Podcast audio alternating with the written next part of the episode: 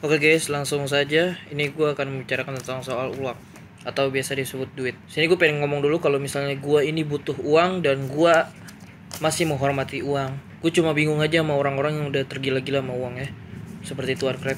Mereka bilang uang adalah segalanya, uang bisa membeli segalanya. Oke, kita mulai. Uang ini, uang di tangan gue ini adalah uang rupiah yang bernilai 100 ribu.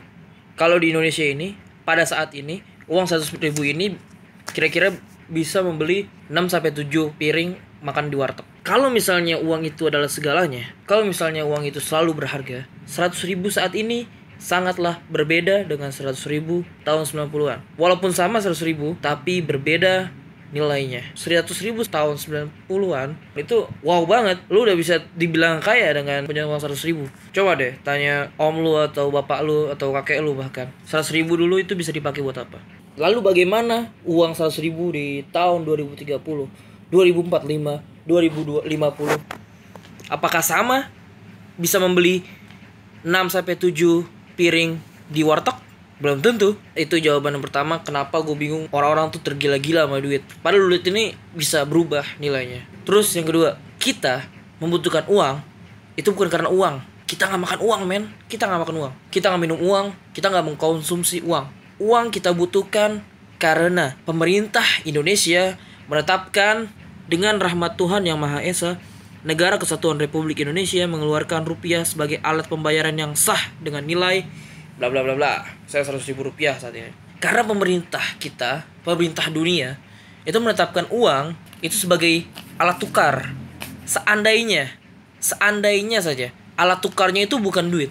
Seandainya kayak dulu garam kalau salah apakah duit kertas ini berguna? Hah?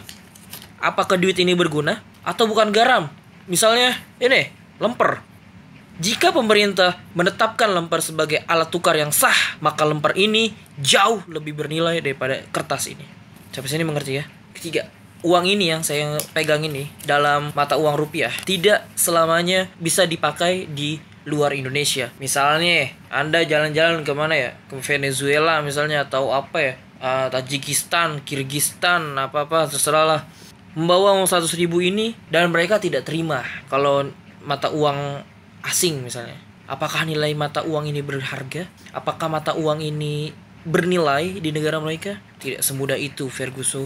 Jadi, pertama gue bilang ya, dak belakang ya, goblok aja gitu kalau ada orang bilang uang adalah segalanya, uang bisa membeli segala, uang bisa membahagiakan. Kalau misalnya pemerintah nih ya, bilang mulai sekarang duit dengan mata uang apa pun tidak diperkenankan, tidak diperbolehkan misalnya. Apakah ini uang ini akan berguna?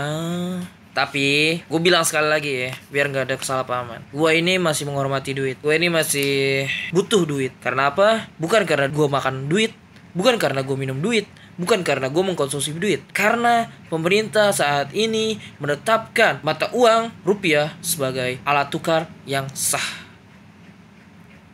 itu aja sih